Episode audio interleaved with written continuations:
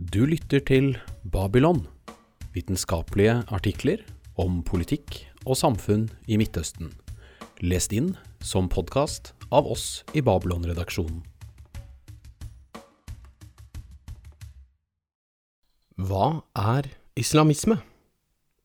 Av Jakob Høygilt og Kjetil Selvik. Lest inn av Olav Gjertsen Ørum. Islamisme behandles i forskningslitteraturen oftest som et politisk fenomen.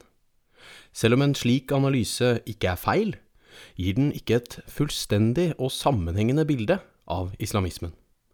Her vil vi foreslå en fortolkningsramme som tar høyde for islamismens kulturelle aspekter, for å favne bredere enn det tradisjonelle politisk orienterte paradigmet. Hvordan skal vi forstå islamisme og de ulike retningene den utvikler seg i? Er eh, islamisme et politisk program, en ideologi, eller bare en identitetsmarkør? Det er de sentrale spørsmålene vi skal besvare i det følgende. Aller først må vi avgrense og definere fenomenet vi snakker om, siden islamisme er et begrep som blir brukt om alt fra akademikere som Tariq Ramadan, via fredelige politiske organisasjoner, til terrorister som Osama bin Laden. Det er mange forskjeller mellom ideologene i Al Qaida og lederne i Muslimbrødrene, og det er vanskelig å behandle så ulike størrelser under ett. Vi skal derfor konsentrere oss om den ikke-voldelige islamismen i Midtøsten, som er en bred bevegelse med stor folkelig oppslutning i de fleste landene i regionen. Også innenfor denne delen av islamismen er det mer enn nok variasjon av praktisk og intellektuell art. Tyngdepunktet i denne artikkelen er derfor en diskusjon om nettopp hvordan og hvorfor ikke-voldelig islamisme er så mangeartet, og om vi skal forstå islamisme først og fremst som politisk eller kulturelt uttrykk. Først må vi imidlertid etablere hva som er den konvensjonelle og bredt aksepterte forståelsen av islamisme, både blant islamister selv og islamismeforskere. Et sentralt premiss for islamsk ideologi, helt fra begynnelsen på 1920-tallet, kommer til uttrykk i det arabiske slagordet al-Islam din wa dawla. Islam er både religion og stat. Med andre ord mener islamistene at islam skal strukturere både samfunnet og staten. Islamismen sprang ut fra en erkjennelse om at Tradisjonelle måter å forstå og praktisere islam på var uholdbare i det moderne samfunnet, som gradvis vokste fram fra 1800-tallet i store deler av den arabiske verden, først og fremst i Egypt. Islamistene ville stå mot det politiske og kulturelle presset fra Europa, modernisere samfunnet og styrke dets islamske karakter. Løsningen på denne tredelte utfordringen ble å hoppe bukk over 1300 års tradisjoner og gå til kildene, Koranen og beretningene om det tidlige muslimske samfunnet på den arabiske halvøy, for å finne prinsipper å bygge et harmonisk og rettferdig samfunn på. En klassisk islamistisk påstand er altså at de gjenoppliver et religiøst, kulturelt og politisk grunnsyn som finnes i Koranen, og profeten Mohammeds utsagn og handlinger, men som ble glemt i tiden etter de fire første rettledede kalifene. En slik tilnærming til den islamske kulturarven medfører et rettlinjet historiesyn. Fra det perfekte samfunnet på 600-tallet har det gått gradvis nedover i takt med muslimenes synkende troskraft, fram til den islamske verden ble helt overkjørt av Vesten i moderne tid. Islamistene vil gjenopprette idealsamfunnet, selvfølgelig tilpasset en moderne kontekst. Med den islamske revolusjonen i Iran i 1979 ble slagordet om at islam både er religion og politikk, brått veldig aktuelt. Det var denne hendelsen som virkelig satte fart i forskningen på islamismen, og ga den et konkret grunnlag. Derfor har islamismeforskningen blitt preget av en politisk tilnærming, og de mest autoritative definisjonene av islamisme handler om stat og politikk. Som Olivier Roy enkelt og greit uttrykker det, er islamisme byggingen av en islamsk stat. Denne definisjonen favner målsettingen til de fleste store islamistiske bevegelsene, og peker på en grunnleggende holdning til religion og politikk. Vi skal komme tilbake til spørsmålet om hvorvidt den er tilstrekkelig for å analysere islamisme, men vi bruker den foreløpig uten reservasjoner. Hva er bakgrunnen for islamismen, sett utenfra, fra et eh, akademisk perspektiv? Noen forskere er enig med islamistene i at ideologien deres har røtter i en fjern fortid, og at islam har en politisk essens som islamistene har funnet tilbake til.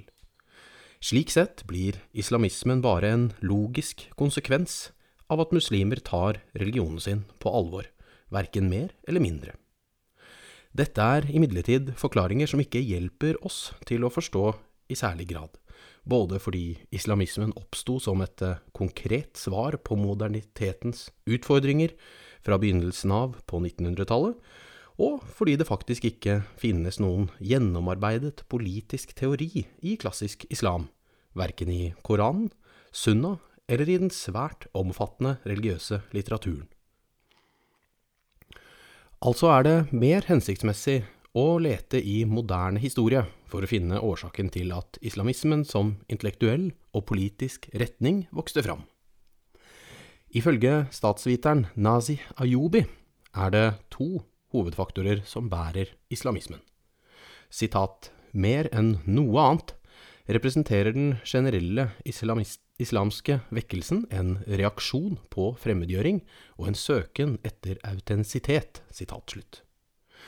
Med dette mener Ayubi for det første at islamismen fungerer som en kulturell nasjonalisme, i motsetning til vestlig politisk og kulturell dominans. For det andre fungerer den som protest mot en vestlig inspirert modernisering av arabiske land, som bare en liten elite fikk nyte godt av, mens det store flertallet led under skjev fordeling og eller vanstyre.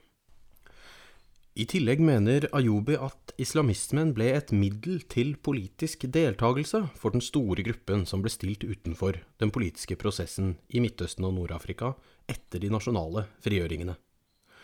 Islamismen er altså en kulturell og sosial bevegelse som også har fått stor politisk betydning, særlig siden 1960-tallet, da andre ideologier, som arabisk nasjonalisme, spilte fallitt. I lys av Ayubis karakteristikk av islamismen som en søken etter autentisitet og en reaksjon på fremmedgjøring fra en vestlig inspirert stat, er det lett å forstå brodden mot Vesten, som islamismen for øvrig deler med mange antikolonialistiske bevegelser i den tredje verden. Vesten ses på som noe annet, fremmed, noe man ikke vil identifisere seg med. I den grad muslimenes historie filtres sammen med Vestens, blir den irrelevant, og Vestens egen historie er fremmed og kan ikke sammenlignes med islamsk historie. Man er på hver sin øy.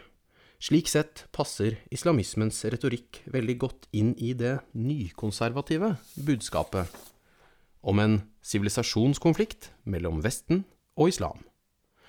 Det er i dette perspektivet man må se islamistenes vektlegging av en spesiell klesdrakt for kvinner, og at det har oppstått en egen pseudovitenskapsteori som kalles islamisering av vitenskapen, der universell vitenskap blir satt inn i en islamsk ramme for å være spiselig. Begge deler kan ses på som uttrykk for et ønske om å være autentisk, islamsk. I samme kategori kommer de religiøse omskrivningene islamistene bruker for å betegne velkjente politiske fenomener.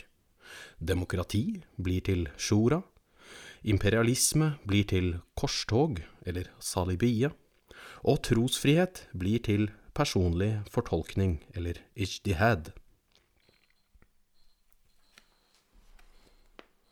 Islamsk praksis i dag Så langt om det som forener islamister og gjør islamismen til en meningsfull størrelse. På den andre side preges imidlertid fenomenet av et mangfold som gjør det vanskelig å snakke om islamisme som en enhetlig og ren politisk bevegelse. Her skal vi fremme tre fasetter som har konsekvenser for vår forståelse av islamismen.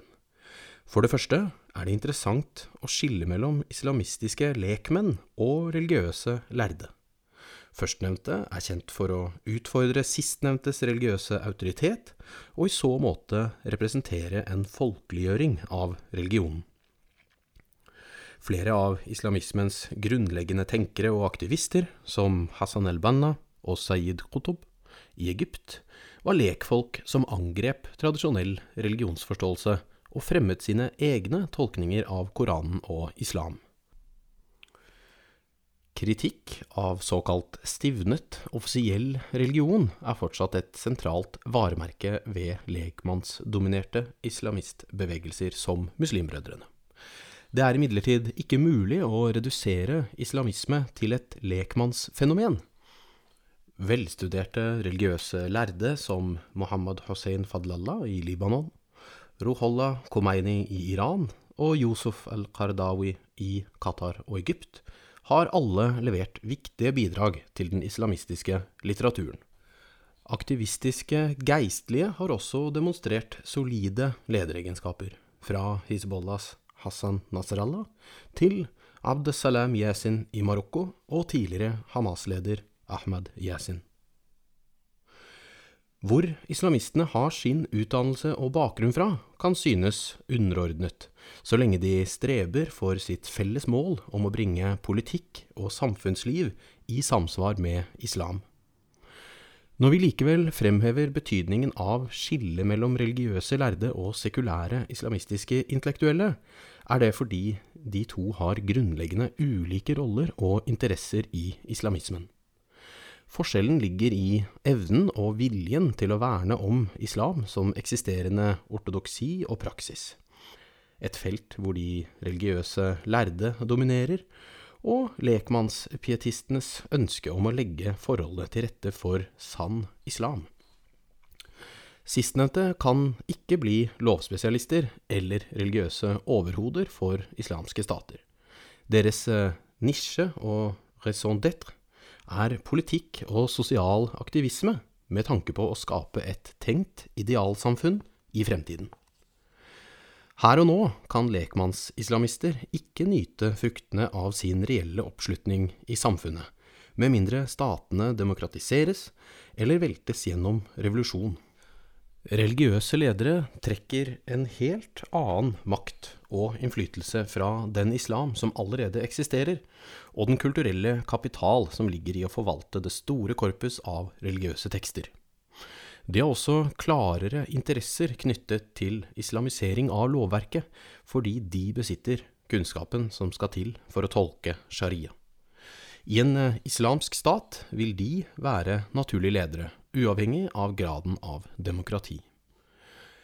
I forlengelsen av dette spenningsforholdet er det også fruktbart å skjelne mellom islamistiske politiske aktivister og vekkelsesbevegelser.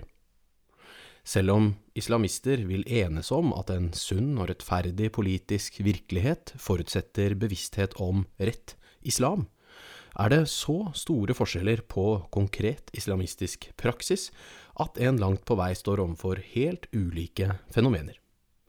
I den ene enden av spekteret finner en politiske partier som Islah-partiet i Jemen, PJD i Marokko og Iraqi Islamic Party, som kjemper om stemmer og regjeringsmakt innenfor rammene av et statsdefinert valgsystem. I den andre enden står forkynnere og vekkelsesbevegelser som nedtoner den politiske delen av sitt budskap, og kaller befolkningen til islam, såkalt dawa. Fremveksten av religiøst definert politisk aktivisme siden 1970-tallet har gått hånd i hånd med en videredefinert religiøs vekkelse, som kaller folk til islam i ulike former. Alt fra glatte TV-predikanter som Amr Khalid, Tariq Swaydan og Habib Ali, til sufifunderte massebevegelser som Nurjo og Fethullah Gulen i Tyrkia, Jamaat Zaid i Syria og den verdensomspennende Jabhat et-Tablir, bidrar i denne retning. Vekkelsesaktørene har sitt fokus på religiøs tro og lære, og er i noen tilfeller eksplisitt apolitiske. De skiller seg her fra partiene, som ikke kan eksistere uten den politiske sfæren. Likheten mellom de to er imidlertid at begge har en totalistisk oppfatning av det offentlige rom som islamsk. Dette spennet mellom politikk og vekkelse finner sin fremste illustrasjon i rivaliseringen mellom muslimbrødrene og salafi-bevegelsen, som mer enn noe strukturerer islamismen. Muslimbrødrene i Egypt regnes vanligvis for å ha vært den første islamistiske bevegelsen, dannet i 1928, og har i dag søsterorganisasjoner over hele den arabiske verden. Selv om forskjellene mellom muslimbrødrene i ulike land er mange, har de til felles å søke innflytelse gjennom organisert partipolitikk og valgdeltagelse der regimene nekter bevegelsen status som legal opposisjon, stiller brødrene til valg som uavhengige kandidater, kjemper om makt i fagforeninger, bygger veldedige organisasjoner eller søker påvirkning gjennom utdanningssystemet. Salafi-bevegelsen, med rot i puritanske vekkelsesbevegelser på den arabiske halvøya, har derimot fokus på religiøs praksis, og en helt spesiell sådan, da målet er å leve som de fromme forfedrene. Den eh, betrakter profetens og hans nærmeste etterfølgere som den perfekte rollemodell for islamsk livsførsel, og bestrever seg på å kopiere dem. Denne ambisjonen leder Salafi-retningen til å fordømme muslimbrødrenes bruk av moderne organisasjonsprinsipper som fagforeninger og politiske partier, som avvik fra sunn islamsk tradisjon, bidah på arabisk. Den eh, forkaster også alle vestlige ideologier og institusjoner, enten det er nasjonalisme, sosialisme, demokrati, parlamenter eller presidenter og krever tilbakevending til opprinnelig islam. Salafi-bevegelsen fremstår som den ultimate motkultur, hvor alle fremmede elementer skal renskes, og bokstavene i Koranen og tradisjonen, hadith på arabisk, studeres i minste detalj. Sist, men ikke minst, bør en skille mellom islamister i posisjon og opposisjon, som bidragsytere til legitimering eller diskreditering av makthaverne. Det vanligste bildet av islamisten i en forskningsverden er regimemotstanderen, som hudfletter herskerens korrupsjon, maktmisbruk og allianse med vestlige stormakter, og krever styresett i samsvar med islam. Men som i nyanseringen av prototypen på den politisk orienterte lekmannsaktivisten, må også dette bildet suppleres av en omfattende bruk av islamisme fra maktens tinder. For eh, ikke bare i offisielt islamske stater som Iran, Saudi-Arabia og Sudan, men over den ganske arabiske verden brukes islamistisk retorikk og praksis for å styrke ledernes posisjon. Kroneksempelet er Egypt, som historisk og teoretisk er en sekulær republikk, men i praksis har tillatt en gradvis islamisering av lovverket, utdanningssystemet, det kulturelle felt og den politiske diskurs siden president Sadat på 1970-tallet.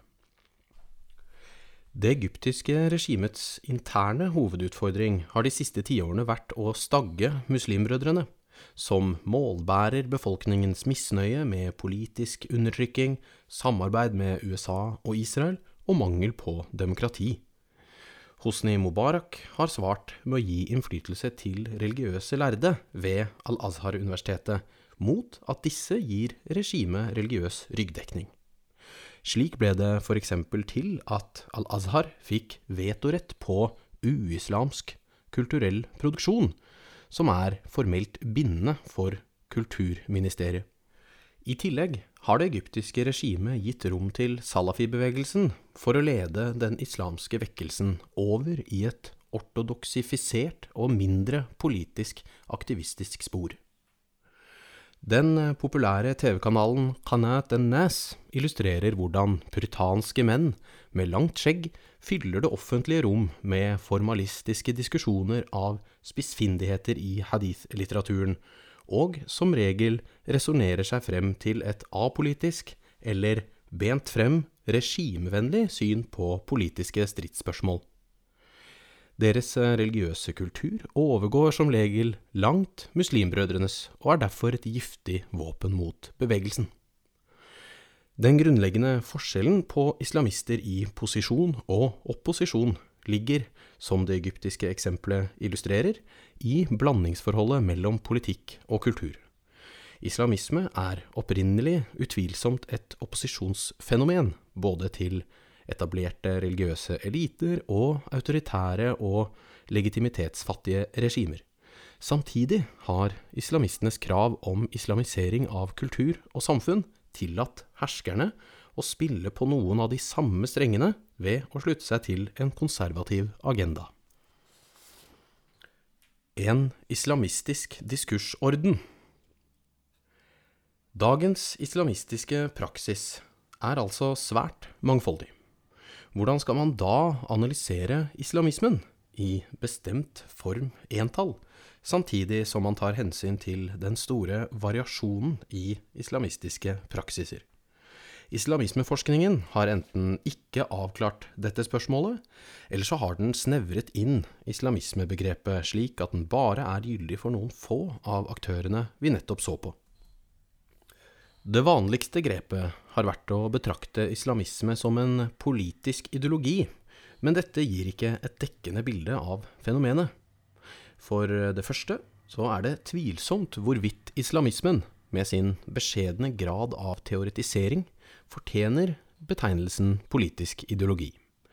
Til tross for slagordet om at islam er din wa dawla, et unikt, helhetlig system, har de færreste islamister vært i stand til å gi helhetlige beskrivelser av hvordan dette systemet ser ut. Islamisme har også blitt brukt for å legitimere all verdens posisjoner, fra marxisme til markedsliberalisme, teokrati og demokrati, og opposisjon til forsvar for regimer. Å sidestille islamisme med klassiske politiske ideologier som sosialisme og liberalisme blir derfor meningsløst. Snarere er det nærliggende, som Nazi Ayubi og den franske islamismeforskeren Francois Bourgat argumenterer, å se islamismen som et uttrykk for kulturell nasjonalisme. Helt fra begynnelsen av var den mest en betoning av islamsk, og ofte arabisk, identitet i møte med kolonistyret og tilsynelatende uimotståelige europeiske ideer. Islamistene ville først og fremst forbeholde seg retten til å definere et moderne samfunn ut fra det de så på som den islamske sivilisasjonens egne premisser. I denne kampen spilte så visst politiske ideer om samfunnsorganisering en viktig rolle, men det gjorde også størrelser som kulturelle normer og religiøse verdier. Tanken om den islamske staten var en del av bildet, verken mer eller mindre. Nettopp derfor inkluderer den islamske vekkelsen både politiske og apolitiske aktører. De kulturelle og sosiale aspektene ved islamismen vokste fram sammen med den politiske aktivismen, ikke som et biprodukt eller resultat av politisk islam. Det idémessige rammeverket for alle retningene, enten de er eksplisitt politiske eller ikke, er dessuten grunnleggende likt. Følgelig blir det kunstig å skille dem fra hverandre, og en analyse som betrakter islamismen bare som en politisk ideologi, gjør nettopp dette. Da blir det vanskelig å beholde et samlende, analytisk grep om hvordan religion og politikk henger sammen i dagens Midtøsten. En løsning på dette spørsmålet er å tenke seg en islamistisk diskursorden som innebefatter både lekmannsaktivister, politiske partier, apolitiske predikanter og religiøse lærde, og som har varierende grad av politisk nedslagskraft i ulike kontekster. Med en islamistisk diskursorden mener vi en spesifikk måte å organisere tale og tanke om kultur og samfunn, et univers av bestemte ideer og forestillinger om religion, kultur og historie.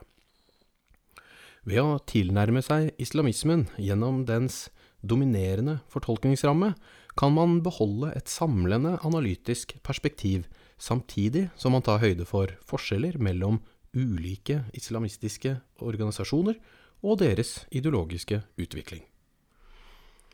Hva består så dette rammeverket i, helt konkret? Den islamistiske diskursordenen er tuftet på tre prinsipper. 1 en konservativ holdning til Koranen og Sunna som utelukker historisk kritiske fortolkninger.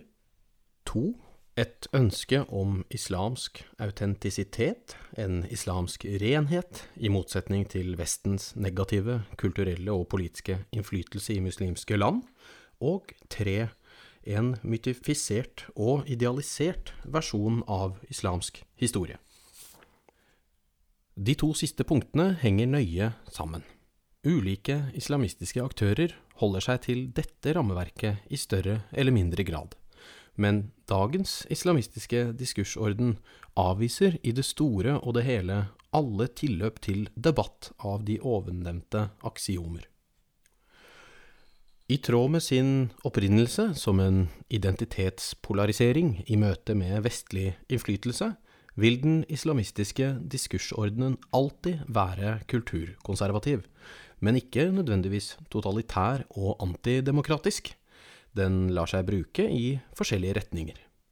Derfor kan muslimbrødrene i Egypt veksle mellom ulike ideologier, fra grunnleggeren Hassan el-Bannas pietistiske og politisk aktive vekkelsesbevegelse, via den radikale, kvasifascistiske religiøse ideologien som Sayyid Qutub forfektet på 1960-tallet, til brorskapets nåtidige kamp for mer demokrati og et åpnere samfunn i Egypt.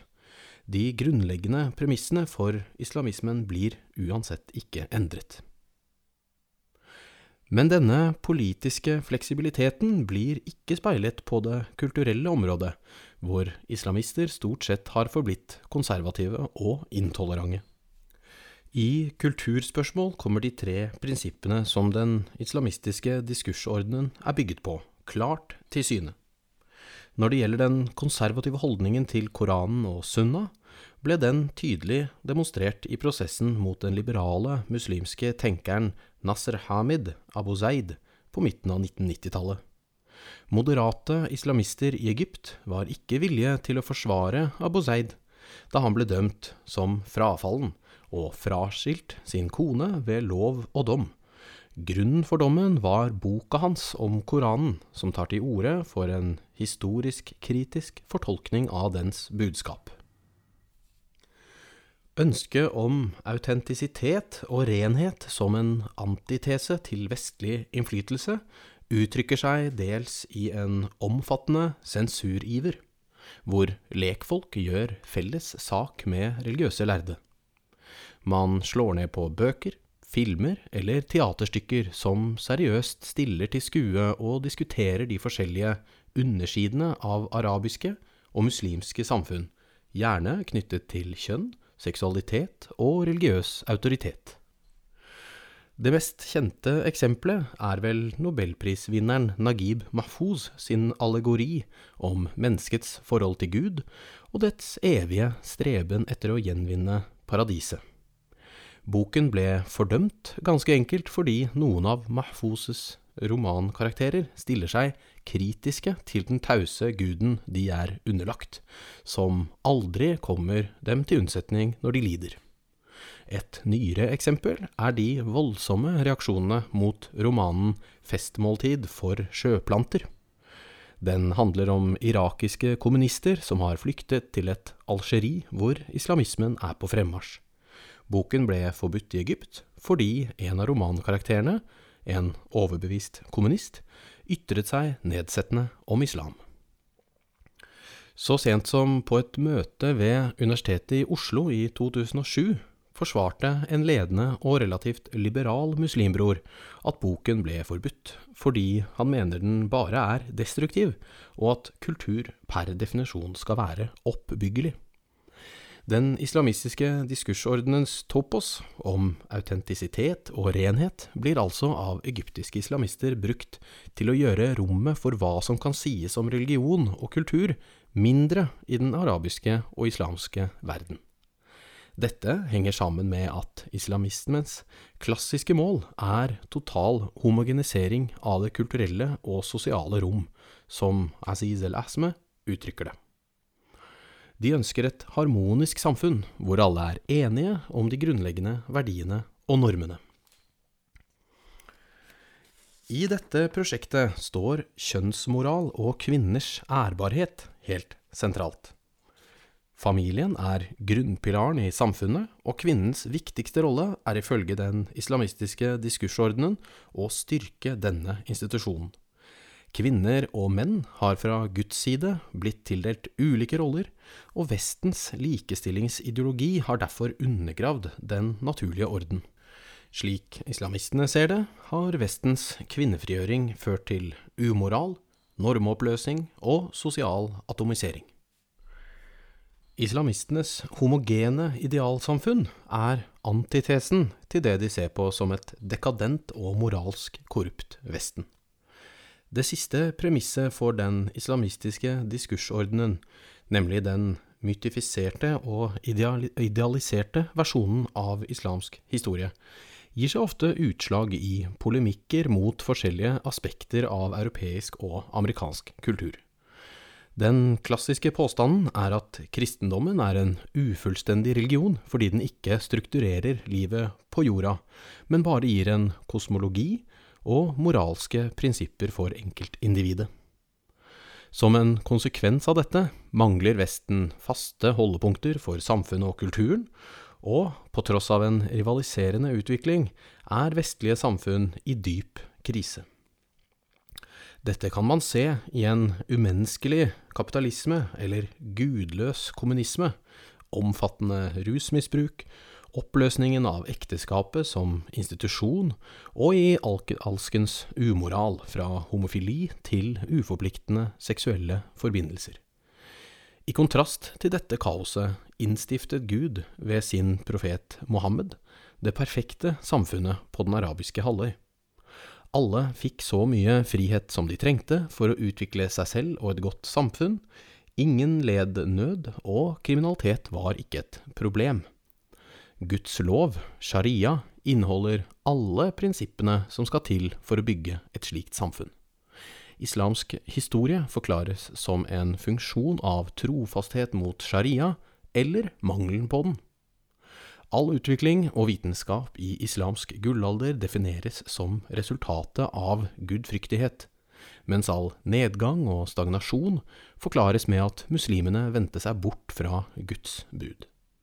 Vesten vil alltid være den andre, og i den grad muslimene lar vestlige verdier og systemer styre deres samfunn, er de dømt til å forbli underlegne. Polarisering Islamismen har også globale implikasjoner.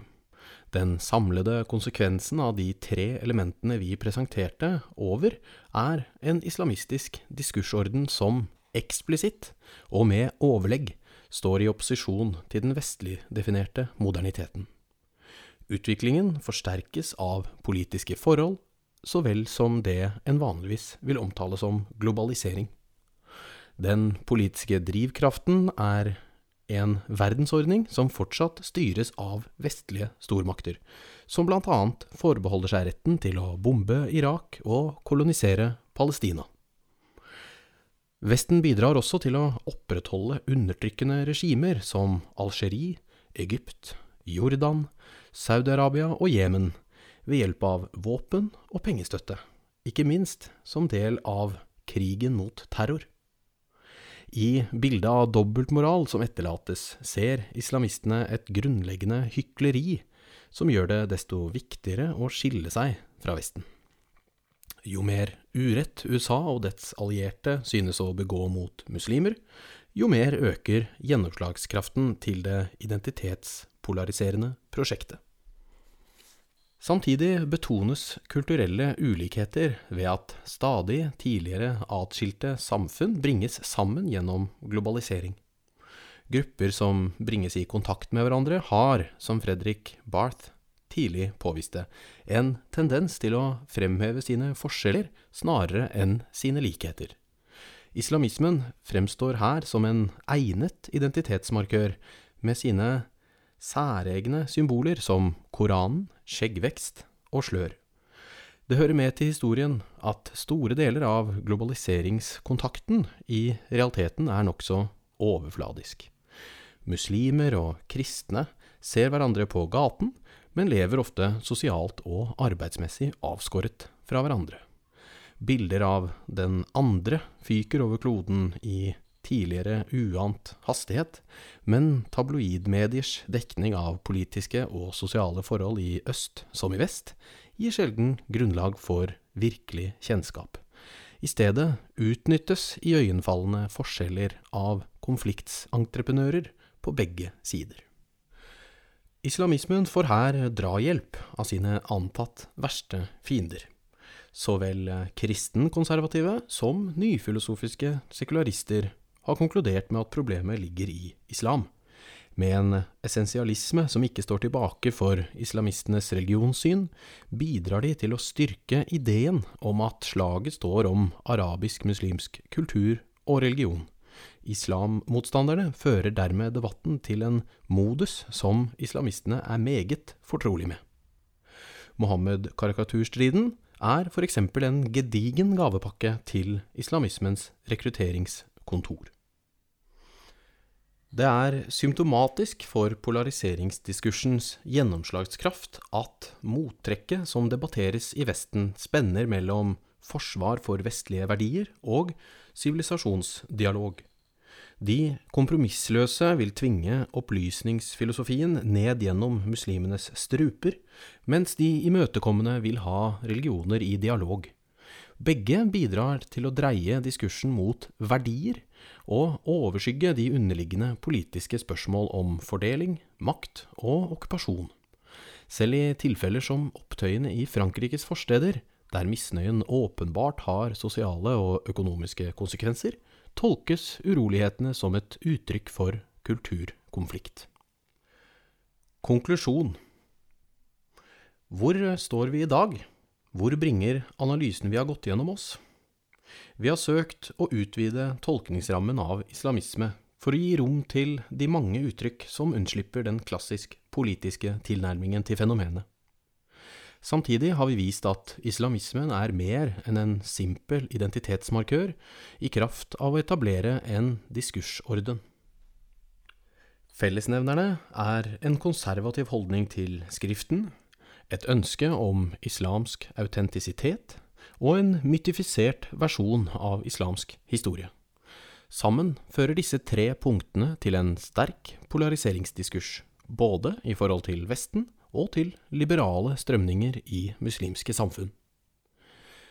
Enkelte av forskerne som først vendte lupen mot islamismen, har de senere år identifisert en mulig løsning på polariseringen i den såkalte postislamismen. Definisjonene er også her divergerende, men uttrykket skal beskrive en tilstand hvor islamistene har forlatt tanken om en islamsk stat, og hvor religionen derfor ikke lenger synes relevant for politikk. Slik Iran i 1979 bidro til å aktualisere forskning på islam og politikk, har idehistoriske strømninger innad i den islamske staten på ny gitt næring til debatten.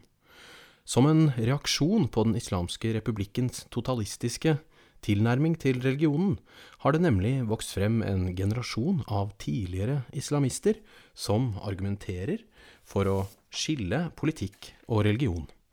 Anført av filosofen Abdul Karim Soroush anklager postislamistene staten for å sverte islam ved å assosiere dagligdagse problemer som forurensning, arbeidsledighet og inflasjon med en islamsk stat, og hindre genuin tro ved å implementere religion med tvang. Dertil hevder de at et sekulært styresett faktisk er bedre egnet til å bevare menneskets fromhet enn dagens islamske styre, fordi den gjør religion til et selvstendig valg i stedet for en ytre plikt. Utviklingen i Iran er svært interessant og potensielt viktig for andre deler av den muslimske verden. Å håpe på global forsoning fordi islamistene til slutt vil skjønne fordelen med å skille stat og religion, er imidlertid naivt. Målet om den islamske staten var, som vi har argumentert, aldri mer enn én del av islamismen. I den grad islamismen er en form for kulturnasjonalisme, kan ikke postislamismen endre de grunnleggende premissene i den islamistiske diskursorden. Polariseringen vil dermed etter alt å dømme bestå. Du hørte Hva er islamisme? skrevet av Jakob Høygilt og Kjetil Selvik. Hvis du vil høre mer fra Babylon, så kan det være lurt å trykke på abonner. Da blir du varslet så fort en ny podkastepisode blir tilgjengelig. Det er også flere måter å få tak i den trykkede utgaven av Babylon, der du vil kunne finne relevante illustrasjoner og fotnoter som har blitt utelatt i lydsporet. Utgaven fås kjøpt i de fleste Narvesen-butikker, eller du kan bli abonnent via nettsida vår på tidsskriftet babylon.no. Da får du tidsskriftet rett hjem i postkassa. I tillegg er alle våre artikler tilgjengelig helt gratis som PDF på nettet. Takk for nå. Vi høres igjen snart.